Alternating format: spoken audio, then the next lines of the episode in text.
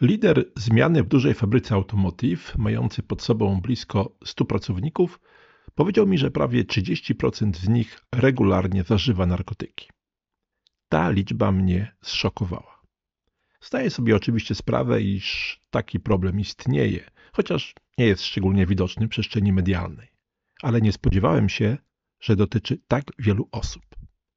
Rozmowa z tym kierownikiem uświadomiła mi złożoność problemu. Tym krótkim materiale spróbuję pokazać perspektywę menedżerów oraz możliwe scenariusze postępowania.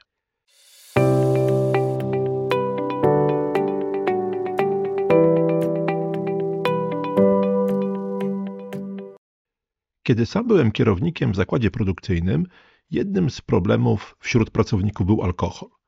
Działania firmy w tym zakresie były w zasadzie proste.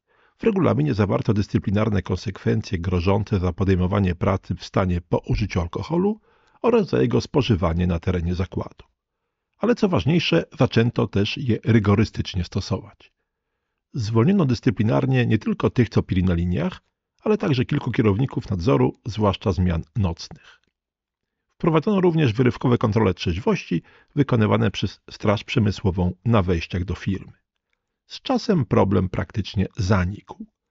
Ale było to również, a może przede wszystkim, efektem zmian społecznych na rynku pracy.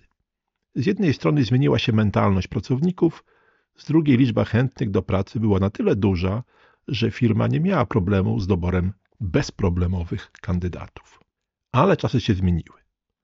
Alkohol zastąpiły używki znacznie bardziej niebezpieczne i zróżnicowane, a ponadto liczba tych bezproblemowych pracowników znacznie spadła. Mój rozmówca stwierdził z brutalną szczerością, że trudno jest mu zwolnić wykwalifikowanego operatora, który nie przychodzi do pracy średnio 7 do 10 dni w miesiącu, ponieważ nie jest w stanie funkcjonować po narkotykach. Po pierwsze dlatego, że na jego miejsce nie ma kandydatów. Po drugie, rekrutacja to koszty i czas.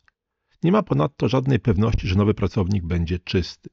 No i w końcu lepiej jest mieć tych pracowników przez chociażby i trzy tygodnie, niż nie mieć ich wcale i zawalić plan produkcji.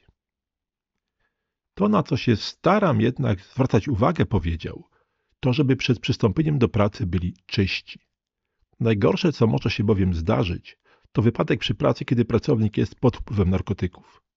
Może się to skończyć tragicznie dla niego, a ponadto karnie odpowie również kierownik za brak nadzoru. Po latach, stwierdził smutno mój rozmówca, jestem w stanie po jednym spojrzeniu w oczy stwierdzić, czy dany człowiek zażywał wcześniej jakieś środki.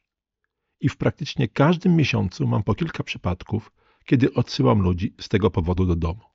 Zapytałem go, czy widzi jakieś możliwości rozwiązania tego problemu w szerszej perspektywie. Próbowałem kilku sposobów.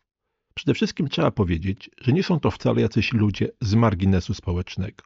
To są często ojcowie rodzin, którzy z różnych powodów wpadli w szpony tego przerażającego nałogu. Jest mi ich po ludzku żal. Próbowaliśmy nawet odcinać ich od zarobionych pieniędzy. Zawieraliśmy nieformalne umowy ze współmałżonkami lub rodzicami, aby pensje pracowników przelewać na ich konta. Ale niewiele to zmieniło. Rozmawiałem też nieraz z HR-em o włączeniu ich do jakichś zewnętrznych programów wsparcia. Ale w praktyce do żadnych działań nie doszło. Z jednej strony nie ma chyba zdefiniowanej platformy współpracy pomiędzy pracodawcą a organizacjami świadczącymi taką pomoc. A z drugiej firma nie może czy nie chce podjąć jakichś własnych inicjatyw.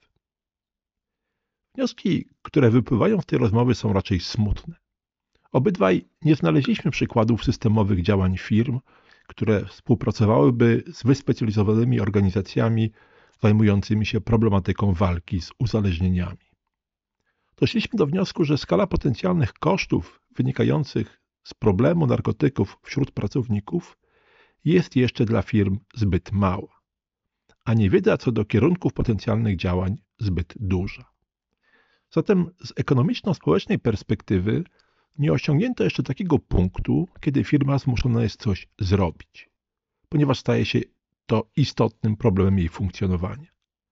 Pytaniem jest, czy taki punkt w ogóle nastąpi. Dziękuję za uwagę. Zapraszam na moją stronę hotelhotelmikecharlie.pl. Znajdziecie tam książki e-booki o zarządzaniu ludźmi, pisane z zupełnie innej perspektywy niż tej prezentowanej na teoretycznych szkoleniach. Zapraszam na kolejne odcinki podcastu Jak być dobrym menedżerem.